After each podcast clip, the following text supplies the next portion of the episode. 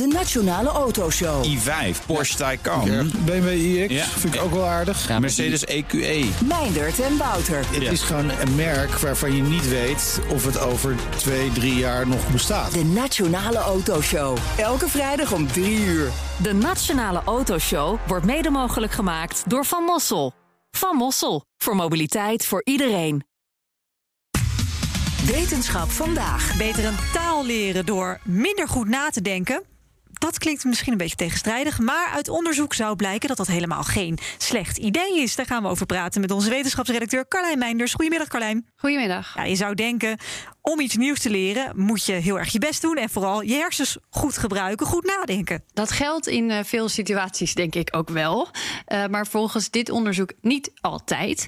Het begon voor onderzoeker Eleonore Smalle van de Universiteit Gent. Allemaal bij de vraag: op welke leeftijd wordt het nou moeilijker om een taal aan te leren? Er is een sterke aanname dat dit eh, rond de 12 jaar is. Maar klopt dit wel? En als het zo is, hoe komt dat dan? De antwoord op die vraag bleef eigenlijk aanvankelijk een mysterie.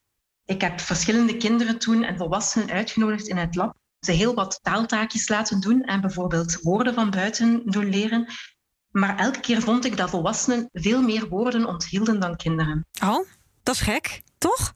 Volwassenen zijn dus Ja. helemaal niet slechter. Terwijl je dat wel zou Nee, daar leek het wel op. Ja. Ja, en, en toen dachten ze, misschien moeten we dit een beetje anders benaderen. Laten we dit eens op de wat langere termijn bekijken. En wat we dan zagen is dat als we onze kinderen en onze volwassenen opnieuw uitnodigden in het lab, dat alhoewel eigenlijk in het begin volwassenen veel meer woordjes konden onthouden en veel meer woorden leken te leren dan kinderen, als we ze uitnodigden na één jaar bijvoorbeeld, waren het de kinderen die wel de meeste woorden hadden blijven onthouden. Ze pikten initieel minder woorden op, maar ze hebben geen vergeetcurve. Wauw, dus het is een beetje korte termijn, lange termijn. En bij kinderen blijven die woorden blijkbaar beter hangen. Ja, en de theorie daarachter was dat dit komt omdat er bij kinderen een veel onbewuster proces speelt. En dat het veel eh, langer doorwerkt eigenlijk. Ouders vertelden ook eh, toen ze ernaar vroeg eh, dat de woorden lang na het experiment ineens opdoken. Als ze bijvoorbeeld spelletjes aan het spelen waren met de kinderen. Alsof ze nog altijd bezig waren met dat leerproces eigenlijk. En volwassenen leren met een bewust brein. Dat vorm je dus op latere leeftijd meer. Kinderen veel meer onbewust. Dan kun je je gaan afvragen of volwassenen ook beter zouden kunnen leren als hun brein wat minder bewust gemaakt wordt. Ja, ja. En, en, en, en hoe word ik dat? Eh, hoe krijg ik mijn brein minder bewust? Moet ik dan meer wijn drinken of zo? Dat eh, zou een manier kunnen zijn, inderdaad. Er is ook bewijs dat mensen een tweede taal, bijvoorbeeld met wat minder remming, beter kunnen spreken. Daar zou wijn wel Oh ja. bij kunnen helpen, inderdaad. Ja, het schijnt dat, er, Donatello eh, wel wat Italiaans kan als hij een beetje wijn op heeft. Ja, alleen als ik wijn heb. ja, ja. Ja, precies. Hè? Ja. Maar voor een experiment is dat niet zo geschikt. Daarin gebruikten ze eh, in dit geval een manier die eh, uitgebreid getest en ook ongevaarlijk is. We noemen dat transcraniële magnetische stimulatie.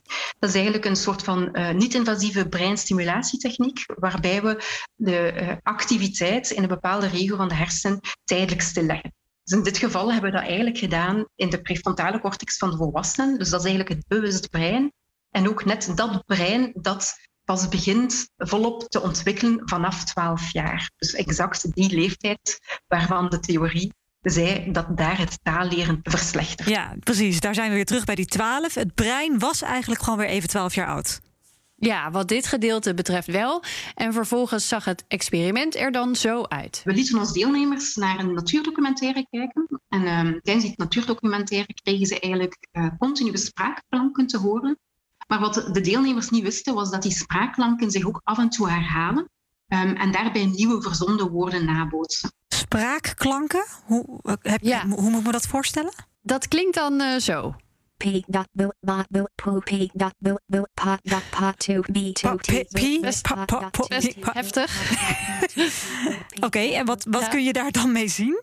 Nou, ehm, ja, eh, ja, wat ze dus al zei, sommige dingen eh, herhaalden zich de hele tijd. Hè? Combinaties van klanken. Ze zagen allereerst dat de hersengolven zich, zonder dat de proefpersonen dat bewust merkten, eh, synchroniseerden met die klankpatronen die zich herhaalden. Dus de hersenen waren wel aan het opletten, zo zou je het kunnen zeggen. Ja. En na het luisteren werd ze een aantal klanken voorgelegd en moesten ze zeggen of ze die nou gehoord hadden net of niet.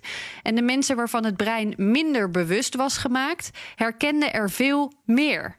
Eh, Al voelde het voor hen zelf als een soort gokken. Ze pikten er veel meer woorden uit, maar hadden er eigenlijk niet meer echt een bewuste herinnering aan. Wat volgens Smalle laat zien dat het leren bij deze groep veel onbewuster ging. Met een goed resultaat dus. Ja, maar, maar kun je hier dan goede conclusies uittrekken? Het is natuurlijk uh, niet zo dat een taal leren uh, uit alleen maar dit proces bestaat. Het bestaat uit veel meer processen. Ook uh, het maakt bijvoorbeeld uit hoe je, hoe je blootgesteld wordt aan een taal, hoe het je wordt aangeboden.